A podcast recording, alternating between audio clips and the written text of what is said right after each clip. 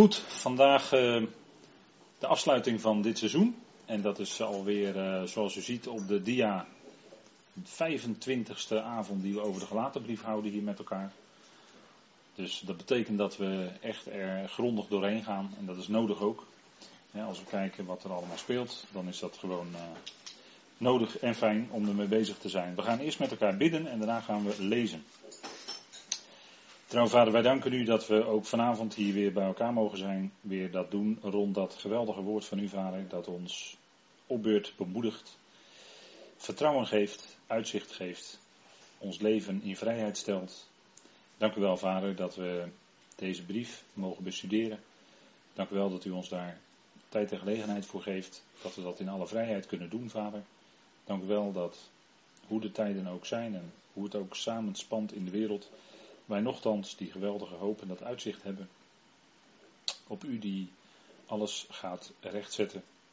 Dank u wel, Vader, dat we zo deze brief, de gelaten brief, hebben in ons leven om ons bewust te zijn dat we in genade leven.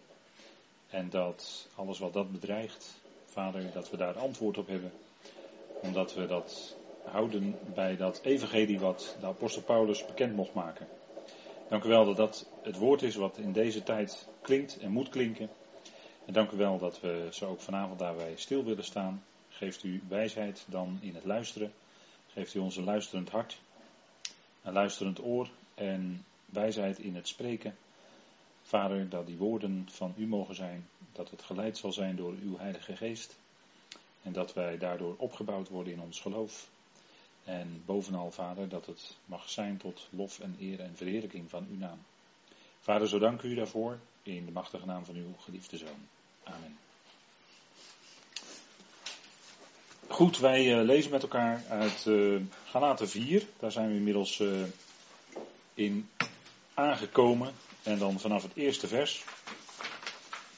En dan lees ik met u tot en met vers 7.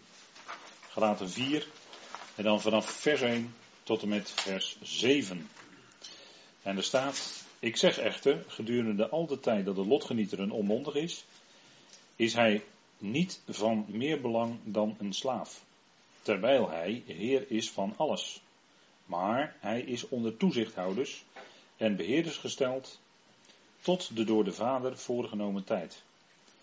Zo waren ook wij, toen wij onmondigen waren, onder de grondbeginselen van de wereld tot slaaf gemaakt.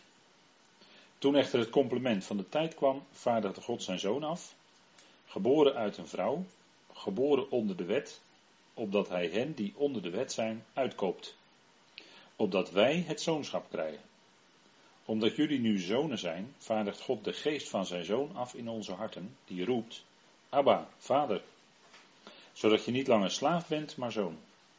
Indien echter zoon, dan ook lotgenieter van God door Christus.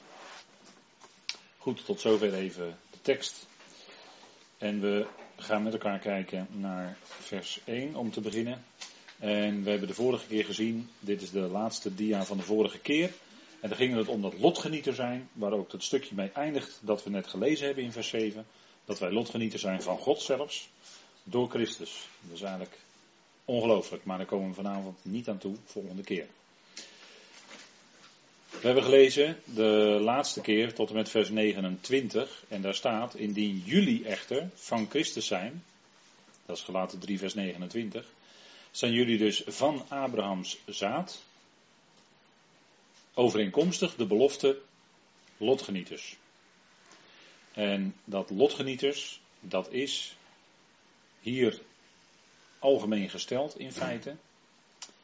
En toen Paulus de Galatenbrief schreef, had hij nog niet bekendgemaakt de hemelse roeping van de gemeente. Maar later blijkt dus in de Efezebrief dat wij lotgenieter zijn van een lotdeel boven, te midden van de hemelingen. Daar staat in de Efezebrief dat in hem ons lot geworpen is. En dat heeft dan te maken met hem die is te midden van de hemelingen. Dat wil zeggen, wij hebben een positie boven, in hem, met hem, met Christus Jezus, te midden van de hemelingen. En dat is ons lotdeel. Ons lotdeel ligt dus niet op aarde, maar boven. Maar in die belofte, in die belofte die aan Abraham werd gedaan en aan zijn zaad, enkelvoud, dat hebben we met elkaar gezien, hè? dat is Christus ten diepste. Eigenlijk ten eerste en ten, en ten diepste. En omdat wij in en met Hem betrokken zijn, zijn wij ook overeenkomstig die belofte lotgenieters. En voor Israël is dat lotdeel op deze aarde. En voor ons is dat dus het lotdeel te midden van de hemelingen. En Abraham, daarvan wordt gezegd in, in Romeinen 4, dat hij is lotgenieter van de wereld. Ja, dat is uh, lotgenieter van de wereld, inderdaad. Lotgenieter, dus niet zomaar, maar dat is heel, dat is heel groots. Wat Abraham, wat in Abraham en in zijn zaad beloofd was. Want Israël zal namelijk de leider zijn als volk, het leidende volk met EI. Nu nog het leidende volk met lange ei, maar straks het leidende volk met EI. Over de volkeren, dus over de hele wereld. En vandaar dat Abraham genoemd kon worden lotgenieter van de wereld. Want ze zijn allemaal zonen van Abraham. Maar voor ons, hè, hier wordt gewezen op de belofte die aan Abraham gedaan was. Maar later wordt bij Paulus bekendgemaakt de belofte in Christus Jezus. En dan ben je dus een stap verder, namelijk boven, te midden van de hemelingen. En dat is ook wat in Efeze 3 vers 6 staat, als daar het Efezegeheimenis wordt samengevat, dan staat daar dat wij gezamenlijk lotgenieters zijn. En gezamenlijk deelhebbers van de belofte in Christus Jezus. Dat gezamenlijk deelhebbers van de belofte in Christus Jezus is die belofte van een hemelse toekomst, een hemelse roeping, boven. Dus dat moet voor ons duidelijk zijn, hè? maar dat is voor u, neem ik aan, duidelijk. Maar dit zijn dus dingen die een stap verder zijn en die te maken hebben met ons zoonschap en onze positie, plaats, wat wij zullen gaan doen te midden van de hemelingen. Dat is ons zoon zijn. Daarin hebben wij een geweldige hoge roeping voor de hele schepping.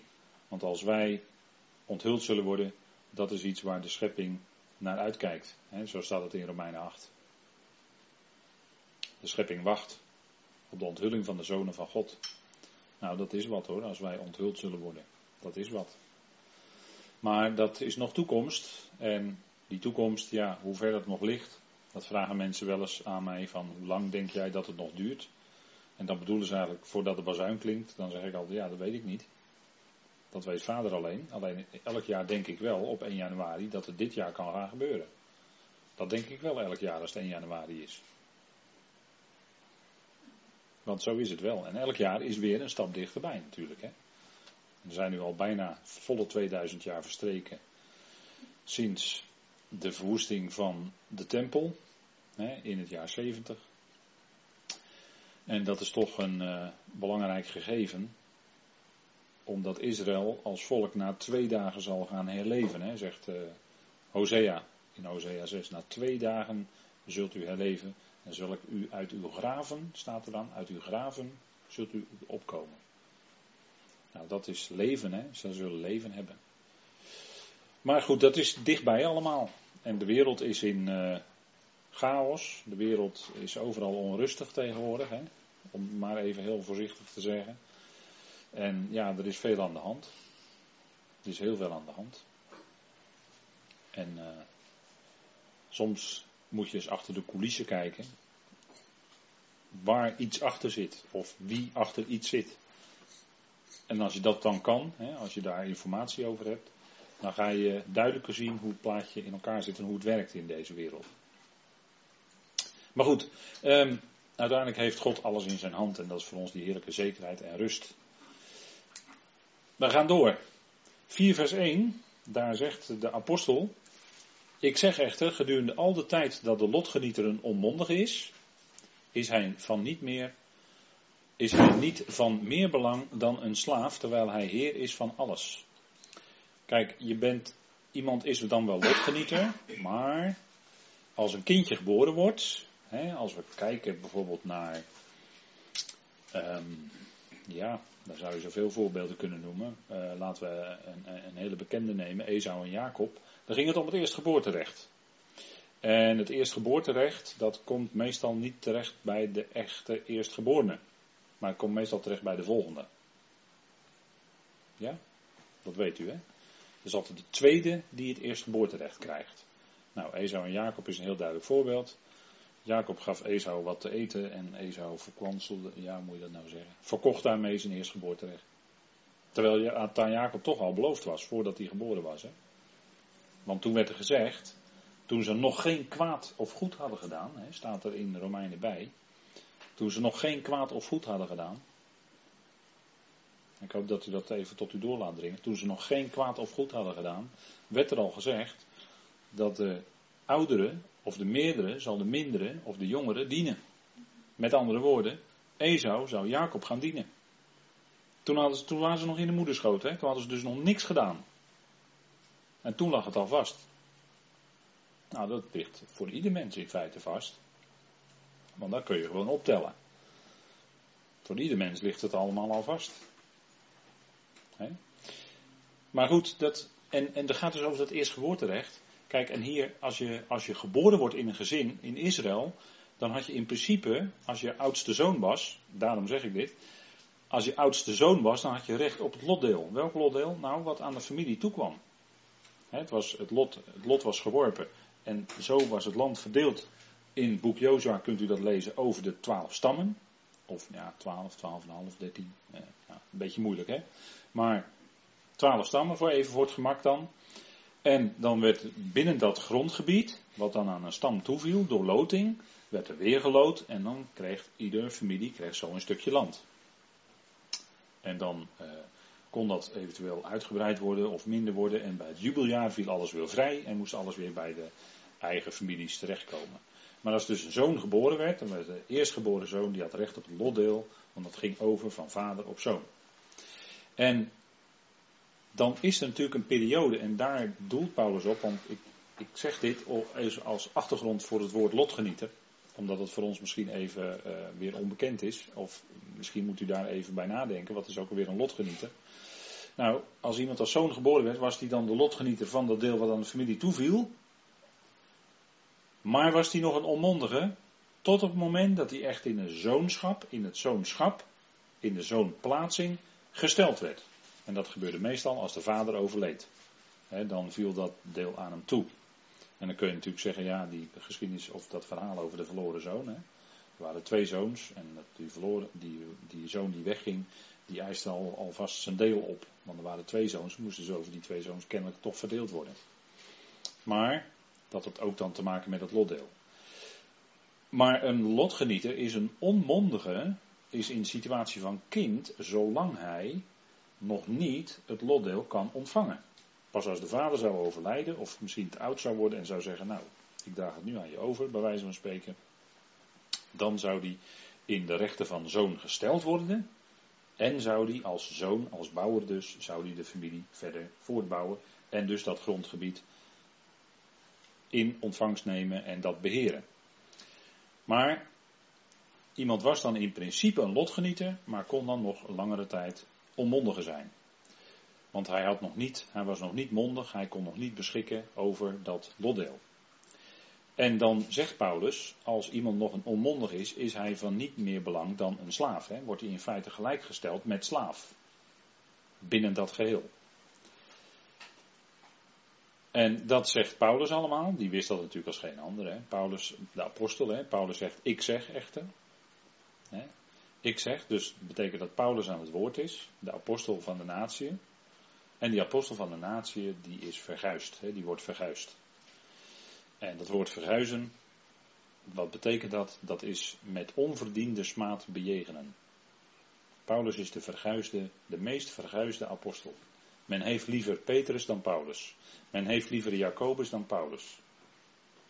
Want men vindt dan Jacobus kennelijk duidelijker dan Paulus.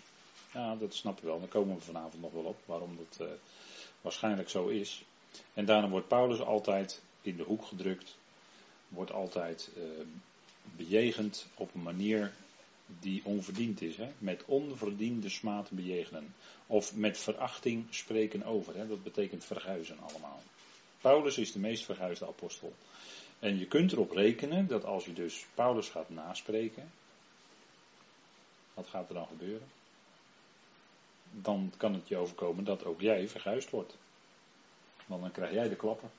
Omdat jij Paulus naspreekt. Hè? En dat, dat gebeurt, dat gebeurt gewoon, dat gebeurt. Vandaag de dag. maar dat is de verguisde apostel van de natie. Want men moet hem eigenlijk niet. Men moet eigenlijk zijn boodschap niet. En daarom moet men Paulus niet. En daar, ik kan u zo een hele lange, rij, eh, lange rij redenen opnoemen waarom men Paulus niet moet. Maar de zaak ligt, vast op bepaalde elementen die in zijn boodschap naar voren komen. Daar ligt het allemaal op vast. En dat is ook de reden waarom men Paulus dan niet moet. Maar daar gaan we vanavond ook over spreken met elkaar. Lotgenieten. We gaan nog even door op dat lotgenieten. Want hoe zat het nou in Israël? Er werd het lot dus geworpen. Dat gebeurde met steentjes. Hè? Hadden ze zo'n buideltje, zo'n zakje. Daar zaten dan steentjes in. Dan gooide men een steentje erbij. En als dan het steentje getrokken werd, dan werd het toebedeeld aan die stam. Door loting werd er dan toebedeeld.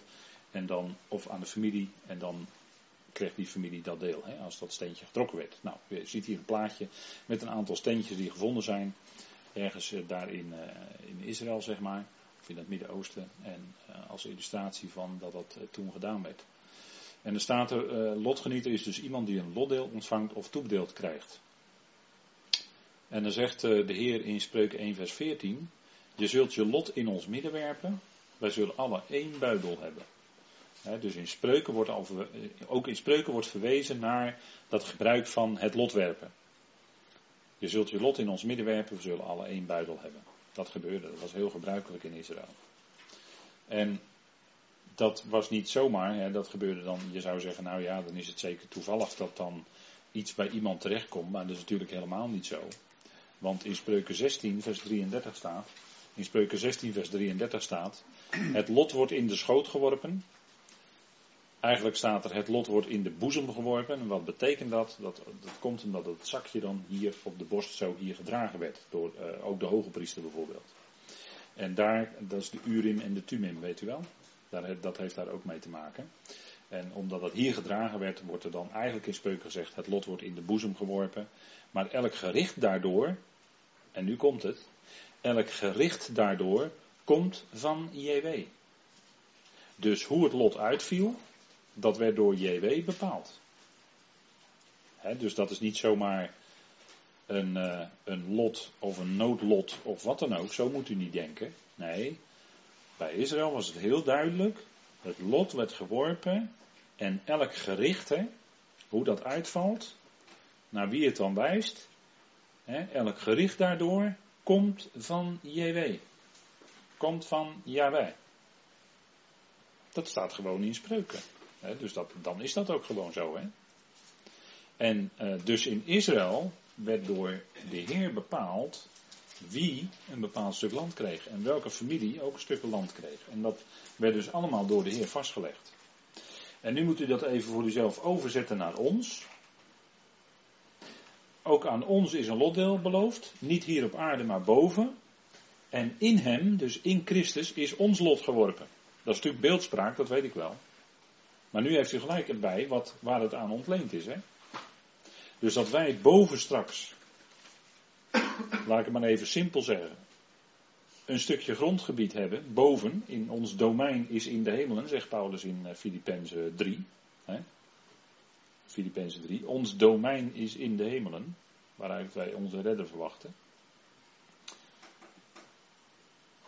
Waar wij dan zullen zijn en wat, om het zo maar te zeggen, ons grondgebied daar zal zijn, of waar wij de Heer zullen dienen daar te midden van de hemelingen, is dus door Hem bepaald. En dan geldt in feite in die beeldspraak hetzelfde als wat in Spreuken 16 vers 33 staat, geldt ook voor ons.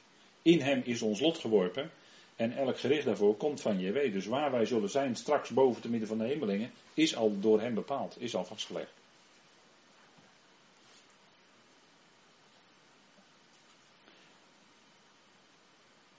En er was nog een andere functie, hè, dus dan heeft u gelijk het lotdeel voor Israël en het lotdeel voor ons boven te midden van hemelingen. Want zo zit dat in de schrift. En dan heeft u gelijk dus in feite een geweldig plaatje, een geweldig iets voor ogen, hoop ik, waarmee u kunt zien, hé hey, ja, kijk, zo werkt het voor Israël hier op aarde. Dan werkt het dus kennelijk ook zo voor ons, maar dan geestelijk gezien te midden van de hemelingen. dat is natuurlijk onze toekomst die wij daar zullen hebben. Wij zijn ook lotgenieters. Dat is in overeenstemming met de rijkdom van zijn genade, zegt Paulus in de Efezebrief. Zelfs met de overstijgende rijkdom van zijn genade.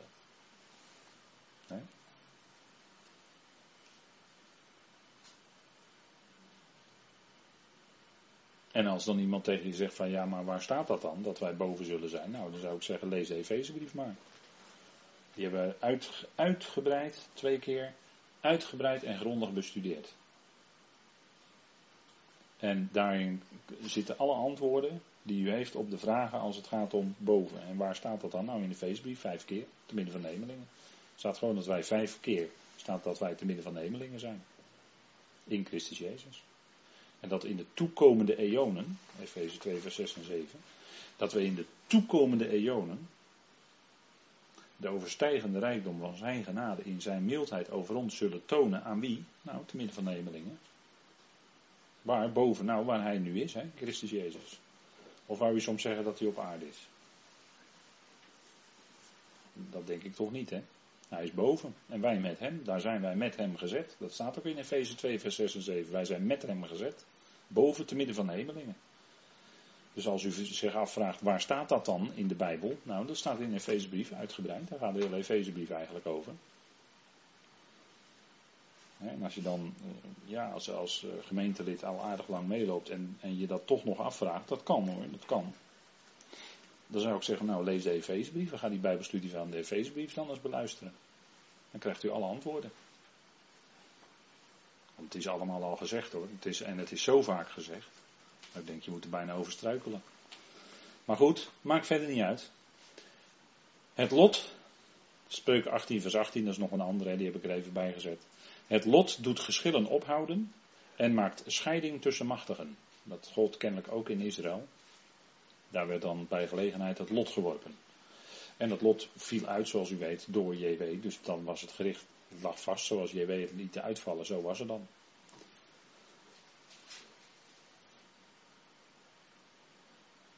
En hoe zou dat dan werken in de gemeente, het lichaam van Christus, hè? als er geschillen zijn? Hoe werkt dat dan als er nou verschillen zijn, als er nou oneenigheid is? Is er dan niemand wijs onder u? Precies, ja. Is er dan geen wijze broeder onder u? Hè? Als je rechtszaken gaat voeren in de wereld, bij de wereldse rechter, dan zegt Paulus, nou is er dan, niet, is er dan geen wijze broeder, broeders onder jullie die daar een uitspraak over kunnen doen? Maar ja, die Corinthiërs waren zo vleeselijk, die stapten gewoon naar de wereldlijke rechter om onderlinge geschillen uit te vechten. Die hadden kennelijk geen vertrouwen in hun, in hun broeders. Kennelijk niet. Of moet ik een andere conclusie dan trekken? Als je naar de rechter stapt. Maar dat is allemaal, eh, dat is allemaal nog aan de hand vandaag de dag natuurlijk, hè, dat soort dingen. Maar als, je, als jij nou, en je bent gemeentelid, hè, je wordt nou onrecht aangedaan door iemand anders, hè, stel door een andere broeder. Wat zegt Paulus dan? Zelfde Korinthebrief. Ja, schade lijden, ja. Boven dat je niet recht haalt, zeg maar. Ja. Waarom, waarom leiden jullie niet liever onrecht? Maar ze vochten hun geschil uit voor de rechter. Dan zegt Paulus, waarom leid je dan niet liever onrecht? Dat is moeilijk hoor. Ik zeg niet dat het makkelijk is, dat is moeilijk, maar dat is eigenlijk dan de weg. Oké, dan houd je je terug. Dan leid je dat onrecht wat je is aangedaan en laat je het over aan de Heer. En de Heer zal op zijn tijd daar heus wel op terugkomen. Bij de Bema. Dat geloof ik. Ik geloof dat bij de Bema wel dingen rechtgezet Niet straf, maar dat, dat dingen wel rechtgezet worden. Niet straf, maar het wordt wel rechtgezet. Dat is nodig. Maar dan kunnen wij het ook verdragen, dragen, dat gericht van de Heer. Ik, ik spreek toch over het gericht, want het staat er gewoon zo, daar kan ik niet omheen. Maar niet te gericht in de zin van dat je daar nog veroordeeld kan worden. Dat is absoluut onmogelijk. Maar wel dat de Heer recht zet. Want richten is rechtzetten, is corrigeren. En dan kunnen wij het dragen. Waarom? Omdat wij daar staan bij de Bema in een verheerlijk lichaam. Daarom kunnen wij het dragen. Nu zouden we dat misschien niet kunnen dragen, omdat wij nog in dit aardse lichaam zijn. Maar dan zullen we het wel kunnen dragen, omdat we dan in dat verheerlijkte lichaam zijn. En we zullen er alleen maar blij mee zijn dat de Heer dat allemaal recht zet. Dat, dat, staat er toch in, in 2 Korinthe 5 vers 10, dat staat er toch? Zullen we dat toch even met elkaar opzoeken? Want ja, de Bema vind ik toch wel een belangrijk punt. Dat er altijd verwarring over is. Sommigen die willen het, die zeggen ja, misschien is er wel helemaal, eh, is er wel niet helemaal zo'n gericht bij de Bema of zo. Maar ik denk het wel. Waarom? Het gaat niet om ik denk, maar het gaat om wat dan in die schrift staat. En in 2 Korinthe 5 vers 10 lees ik toch iets.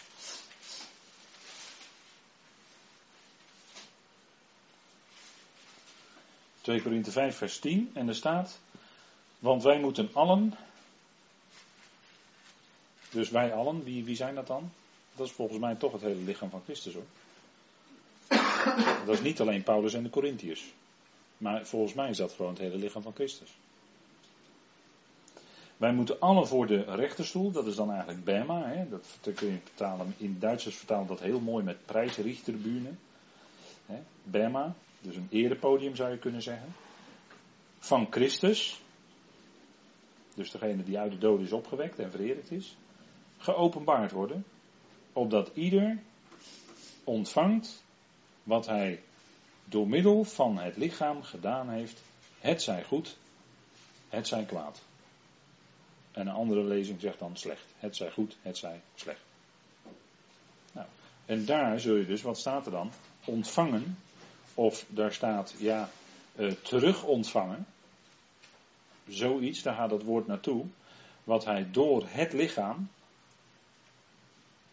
en ik kan het toch niet anders lezen dan door het lichaam nu, waar je nu bent, jouw lichaam van vlees en bloed.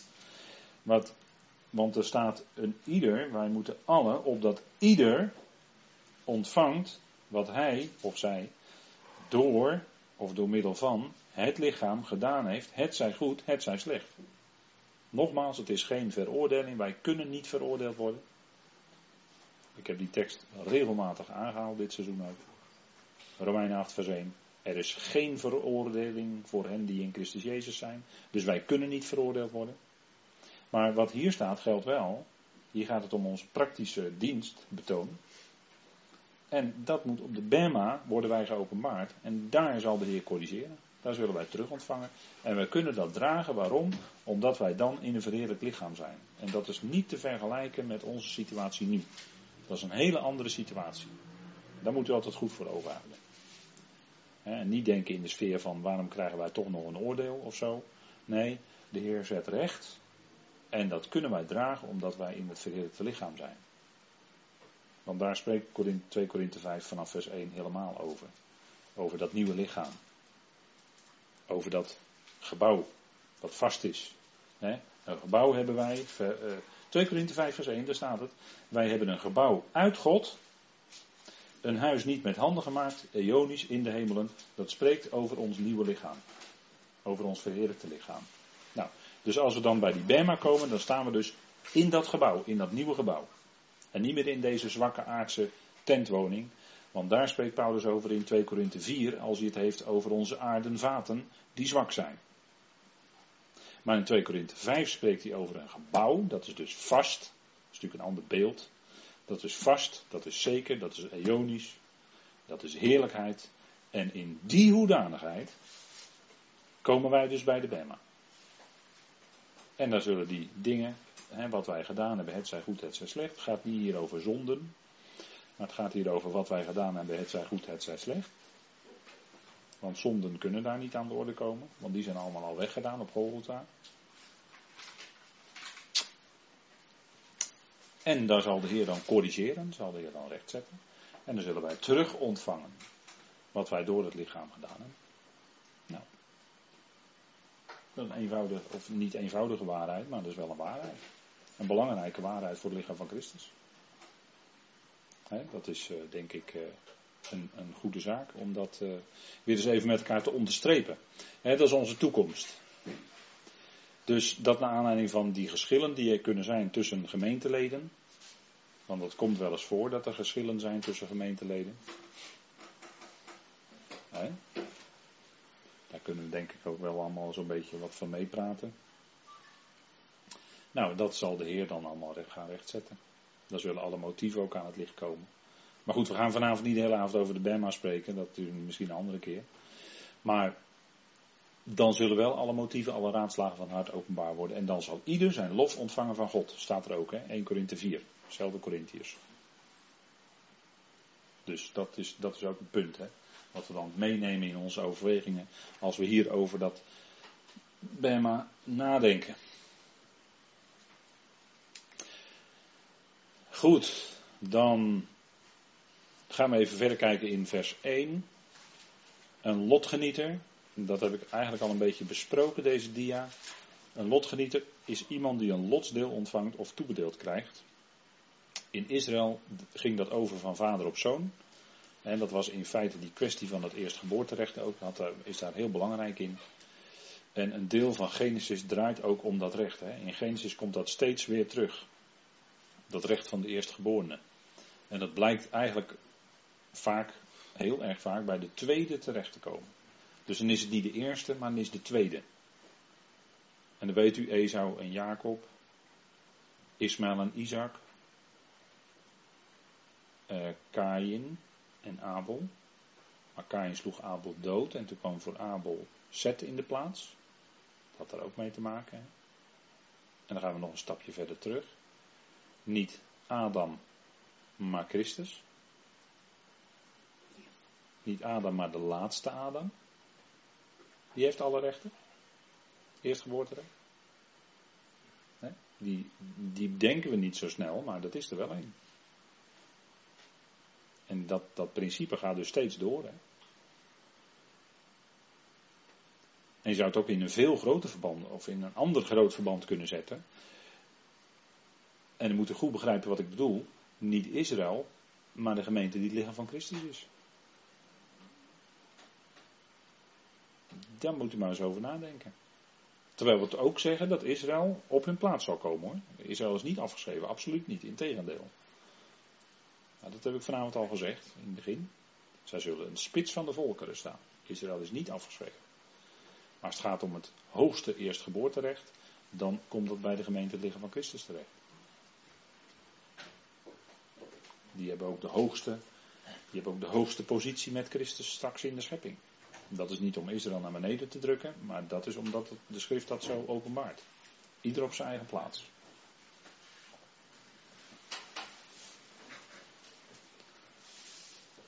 Dus steeds ging het om dat eerstgeboorterecht. Dat is ongelooflijk belangrijk. De bikoer is dat in het Hebreeuws. Hè? De bikoer. Beet kafresh. Dat zijn allemaal tweetjes, weet u wel. Dat heb ik al meerdere keren gezegd.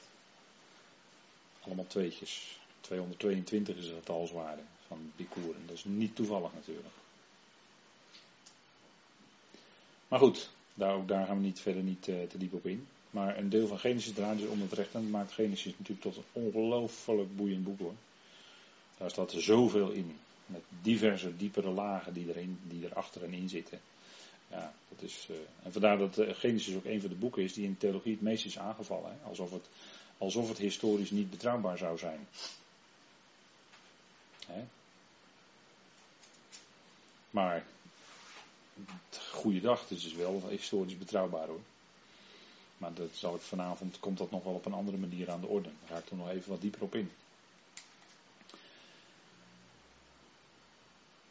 Kijk, Paulus die zegt dan, gedurende al de tijd dat de lotgenieter een onmondige is, dus hij spreekt over een bepaalde periode. dus je zou dit ook kunnen zien in een wat groter verband, in de zin van diverse periodes van beheer, waar het om gaat. Uh, een lotgenieter is dan, die krijgt dan door erven, door erfenis of door toedeling, krijgt hij het lotdeel. Dan is die eerst een kind, hè, een onmondige. En die staat dan in die kindsituatie, in die onmondigheidssituatie, staat hij in feite gelijk aan een slaaf. Want de slaaf had ook niks te zeggen. Die kreeg gewoon allerlei opdrachten, die moest gewoon doen. Die, die was verder niet mondig. Tegenwoordig zijn de werknemers wel mondig, maar vroeger waren de slaven niet mondig. En Israël was in feite onder toezicht gesteld van toezichthouders, van beheerders. Uh, we hebben dat woord pedagogos, hebben we al eens een paar keer gezien. Israël was in feite onder toezicht gesteld, maar dat was totdat, tot de door de vader voorgenomen tijd. En dat was in feite de situatie van Israël onder de Torah van Mozes. Wat hier staat, hè. Een lotgenieter is een onmondige en is een van niet meer belang dan een slaaf, terwijl hij heer is van alles. Nou, dat was in feite de situatie van Israël onder de Torah van Mozes. Israël was gesteld om zoon te zijn, dus heer van alles over de volkeren, maar tot, die, tot een bepaalde tijd moesten zij onder die Torah blijven. En die Torah gold dan als een toezichthouder, als beheerder over hen. Dus toen waren ze in de situatie van onmondigheid. situatie van kind. En het is, dat hebben we al eerder gezien met elkaar, tot op Christus. Hè? De wet fungeerde als een pedagogos, als een kindgeleider, tot op Christus. Niet om hen naar Christus te brengen, maar het gaat om een tijdsperiode. Het gaat om een tijdsperiode. Totdat, totdat de Christus zou komen. Totdat Jezus zou komen. Het was niet om ze als het ware te, op te voeden totdat, totdat ze dan de Christus zouden aanvaarden. Nee, het was een periode totdat hij zou komen. En wat deden die Galaten? Want waarom zegt Paulus dit allemaal? Omdat die Galaten bezig waren onder de wet. Hè? Zij stelden zichzelf onder de Torah van Mozes. En dat was onder invloed van judaïstische dwaalleraren. Hè, judaïstische leraren. Die onder invloed stonden van het judaïsme. Dat is de Joodse godsdienst, zeg maar. De Joodse religie. Die in Babel, toen ze daar in ballingschap waren, tot ontwikkeling is gekomen. Dus het komt voornamelijk vanuit de twee stammen. Want die waren weggevoerd naar Babel. De tien stammen is een heel ander verhaal. Dat is een heel moeilijk en ingewikkeld verhaal. Maar die waren eerder weggevoerd onder uh, de Assyriërs in 722 eh, voor Christus ongeveer. En die hebben daar in feite met de ontwikkeling van het judaïsme eigenlijk niet veel te maken. Dat gebeurde door de twee stammen die in Babel waren weggevoerd. Daar is het judaïsme tot ontwikkeling gekomen. En later is ook in Babylon notabene die Babylonische Talmud op schrift gesteld. Maar dat is pas veel later gebeurd in de tijd. Maar die overleveringen, die mondelinge overleveringen en die discussies tussen de Joodse wijzen, hè, rabbis enzovoort later, die hebben ze pas veel later op schrift gesteld. Maar die mondelinge overlevering, die was er altijd wel. En dat waren dus dan zeg maar de, de tradities naast de Torah. En die men ook belangrijker ging vinden dan de Torah. En waar men ook bij gelegenheid de Torah buiten, in feite buiten werking stelde. Dat zegt de Heer Jezus ook tegen ze. Maar kijk, kindplaatsing hè, is er dan in feite. Jezelf onder de Torah van Mozes stellen is in feite jezelf als kind plaatsen. En je zet, en wat gebeurde dus bij die gelaten? Die waren, die waren tot geloof gekomen.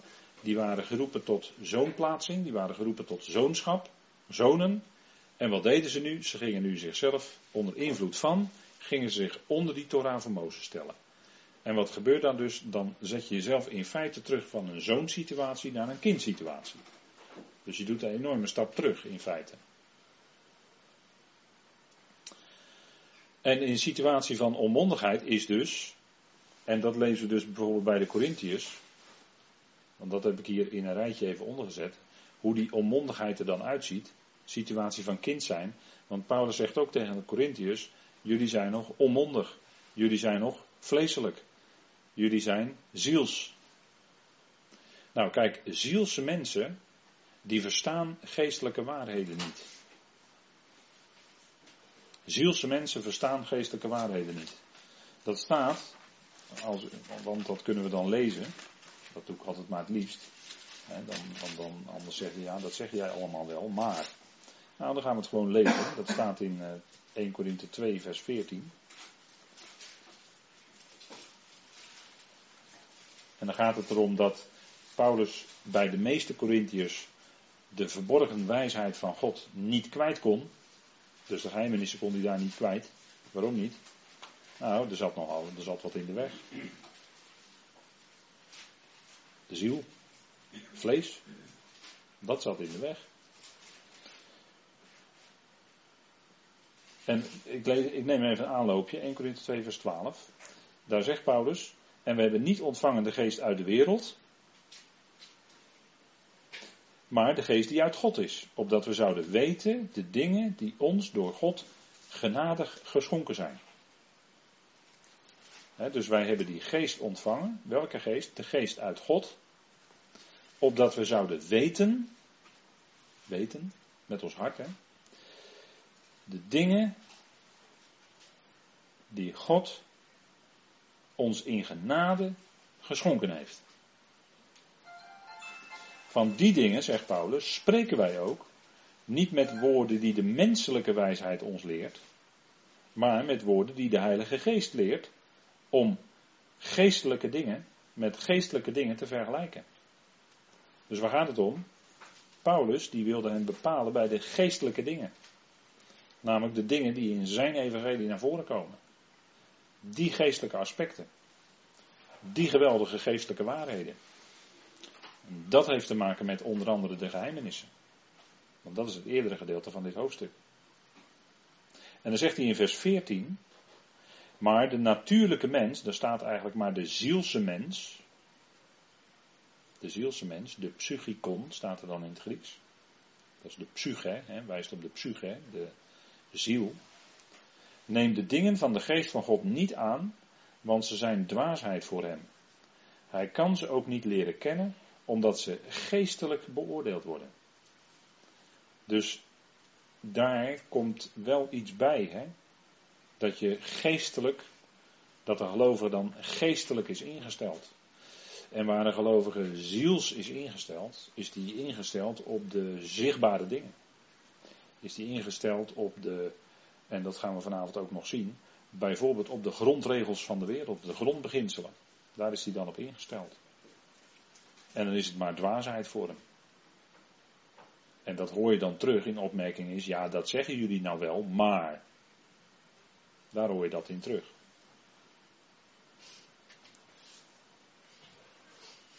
of je, en de ene keer wordt er dan zo gezegd, zoals ik dat nu een beetje herhaal, wat vriendelijk. En de andere keer word je gewoon heel fel geattaqueerd. Dat gebeurt ook. En het gaat erom, kijk, die zielse mens, die dan zo soms ook tekeer gaat, neemt de dingen van de geest van God niet aan. Daar zit ziel in de weg. Vlees, eigen denken, positie misschien wel. Ik, ik roep maar wat, hè. Maar het is allemaal ziels. Maar het gaat erom dat de geestelijke mens, daar spreekt Paulus ook over, in het volgende vers namelijk, vers 15. De geestelijke mens beoordeelt wel alle dingen, zelf echter wordt hij door niemand beoordeeld. Alleen de Heer beoordeelt hem. Als het gaat om beoordelen, is het alleen de Heer.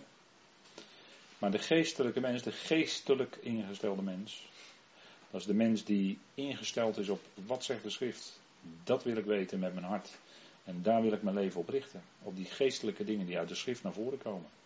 En de geestelijke dingen nu is de evangelie van Paulus. Paulus heeft het over, want dat mag je ook bijna niet meer zeggen, maar er staat natuurlijk wel in zijn brieven drie keer mijn evangelie. Dus wij kunnen met alle recht spreken over het evangelie van Paulus, want hij zegt zelf drie keer dat het mijn evangelie is. Nou, daar kun je toch geen spel tussen krijgen, dacht ik. Hè? Maar de geestelijke mens beoordeelt wel alle dingen, zelf echter wordt hij door niemand beoordeeld. Want wie heeft de denkzin van de Heer gekend? Dat hij hem zal onderrichten. Met andere woorden, Corinthiërs, willen jullie het beter weten dan de Heer? Wou jullie de Heer soms onderrichten dan? Wou jullie het soms beter weten dan hij? Nou, soms denk ik wel eens dat gelovigen rondlopen die menen het beter te weten dan de Heer. Dat denk ik wel eens.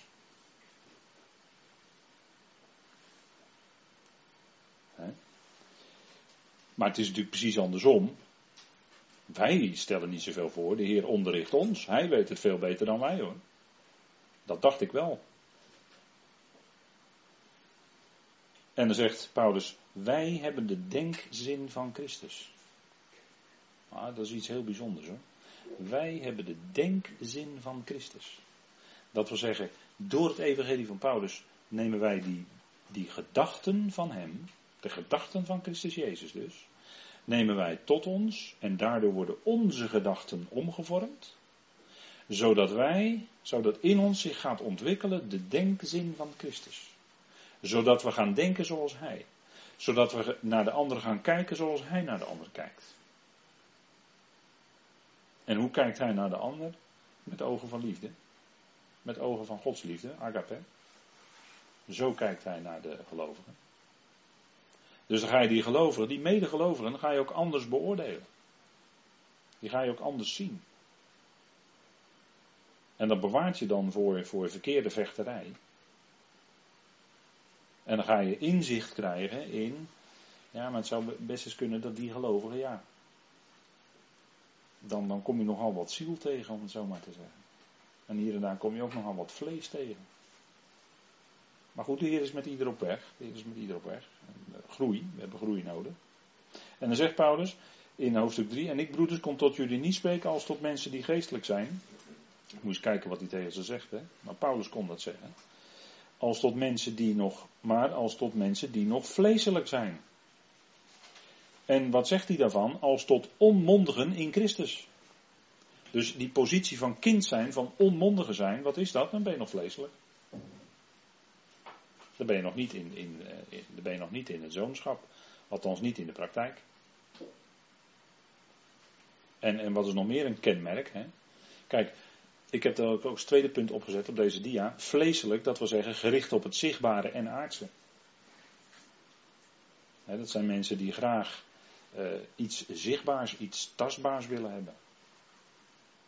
Dat zijn mensen die zich vandaag de dag bijvoorbeeld uitstrekken naar tekenen en wonderen. Daar trek je volle zalen mee hoor. Ga maar zeggen dat zieken genezen worden morgenavond. Dat er iemand op het podium komt, een geweldige spreker.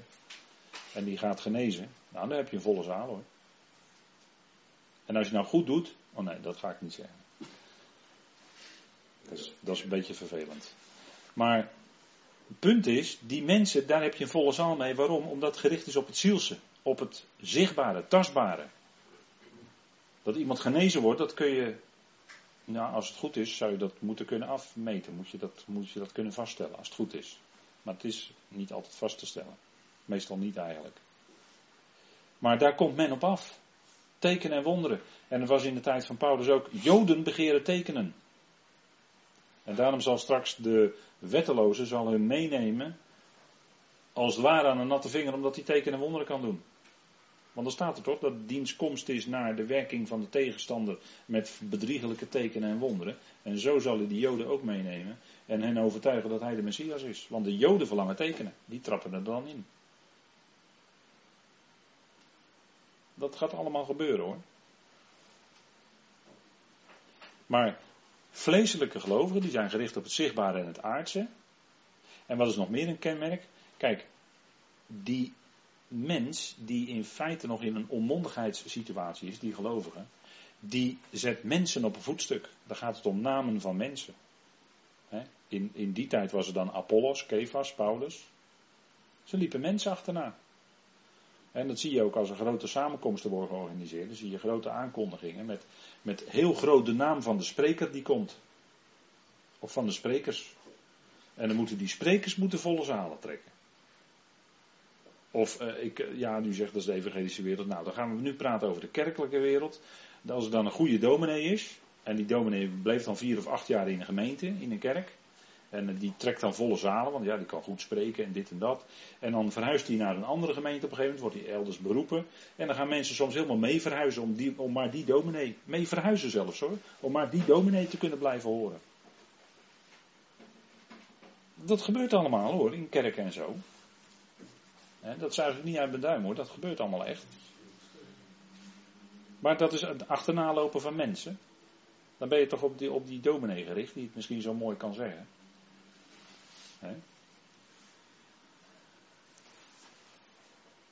Er, zijn ook, ja, er zijn ook mensen die bijvoorbeeld heel graag destijds wilden luisteren naar Nico Terlinden, weet u wel. Dan kon je op verhaal komen in de Westerkerk in Amsterdam. Weet u het nog? Kon je op verhaal komen.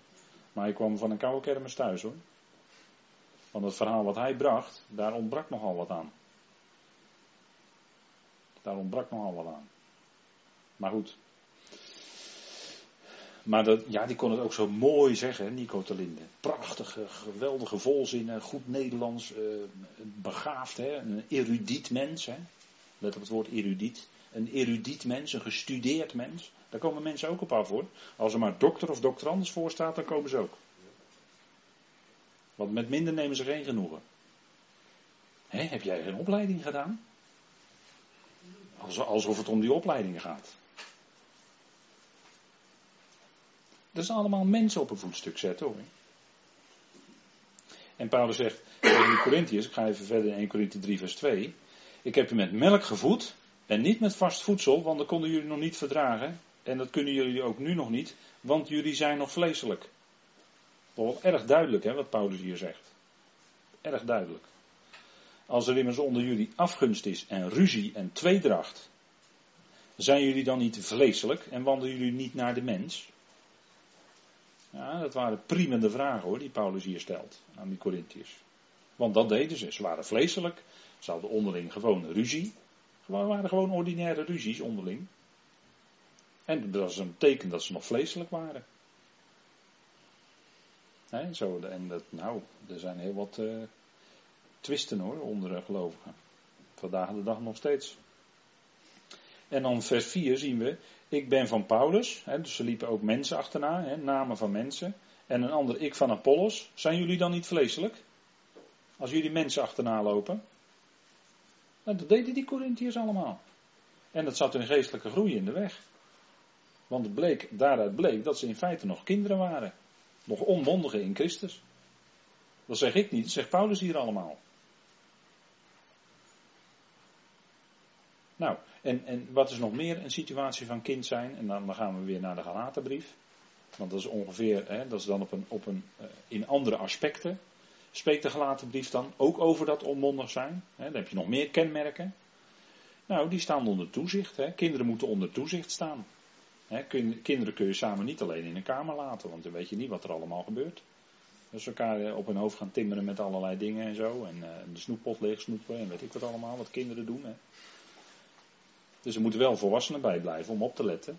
Maar moet, dus moeten onder toezicht staan. Ze hebben regels en wetten nodig. dat willen ze ook graag, kinderen. Die, die moeten ook horen van dit kan wel en dat kan niet. Maar een zoon, als je opgegroeid bent tot zoon, tot volwassene, dan ga je als goed is de deur uit en dan heb je niet meer die regels en wetten van je ouders nodig. dan, dan, pak ik even gewoon het principe uit het dagelijks leven, zoals dat werkt. Nou, dat werkt in het geestelijke bereik ook zo. als je eenmaal zoon bent, dan, dan ben je vrij en dan leef je vrij in de genade. En heb je dus geen eh, stutten en steunen en regels van de wet nodig. Dat, dat is hetzelfde verschil hoor.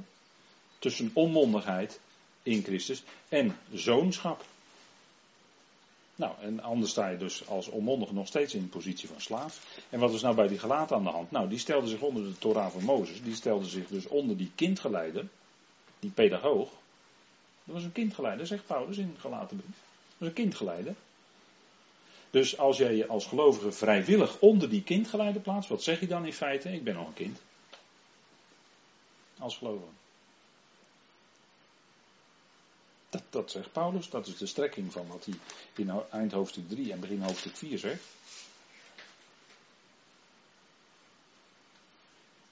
dan gebruikt hij ook dat onmondige, net, net als in Korinthe. Dat zijn dezelfde dingen, dezelfde, dezelfde terminologie. Alleen bij de gelaten ging het dan echt specifiek om de wet, om de regels. Dus dat, dat, dat is dus de, de geestelijke strekking ervan, hè, als je dat doet. En dat wordt dus gelijk getrokken met slaaf zijn. He, onmondigheid in Christus wordt gelijk getrokken met slaaf zijn. Je brengt je opnieuw in slavernij onder de wet, want Israël was in slavernij in feite onder de wet. En er was het, het in Egypte was daar een type van, was daar een beeld van. Want ze werden uit het diensthuis. En wat is een diensthuis? Nou, dat is een huis van slavernij. Werden zij verlost. Ik heb u uitgeleid uit het diensthuis, hè, daar begint de wet mee die elke zondag wordt voorgelezen. Ik ben de Heer jullie God die jullie uit het diensthuis uitgeleid hebt. Maar dat wordt tegen Israël gezegd. En dat was Egypte.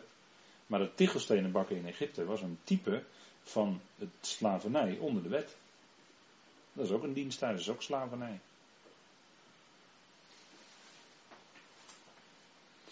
Dus slaaf zijn is in feite hetzelfde niveau als onmondigheid.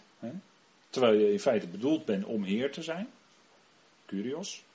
Dat woord staat er in het Grieks. Maar als je nog onmondig bent, dan ben je niet van meer belang dan een slaaf. Terwijl je in principe heer bent van alles. Heer bent over het lotdeel. Wordt dan tegen Israël gezegd. Bij ons dan zoonschap. Lotdeel boven.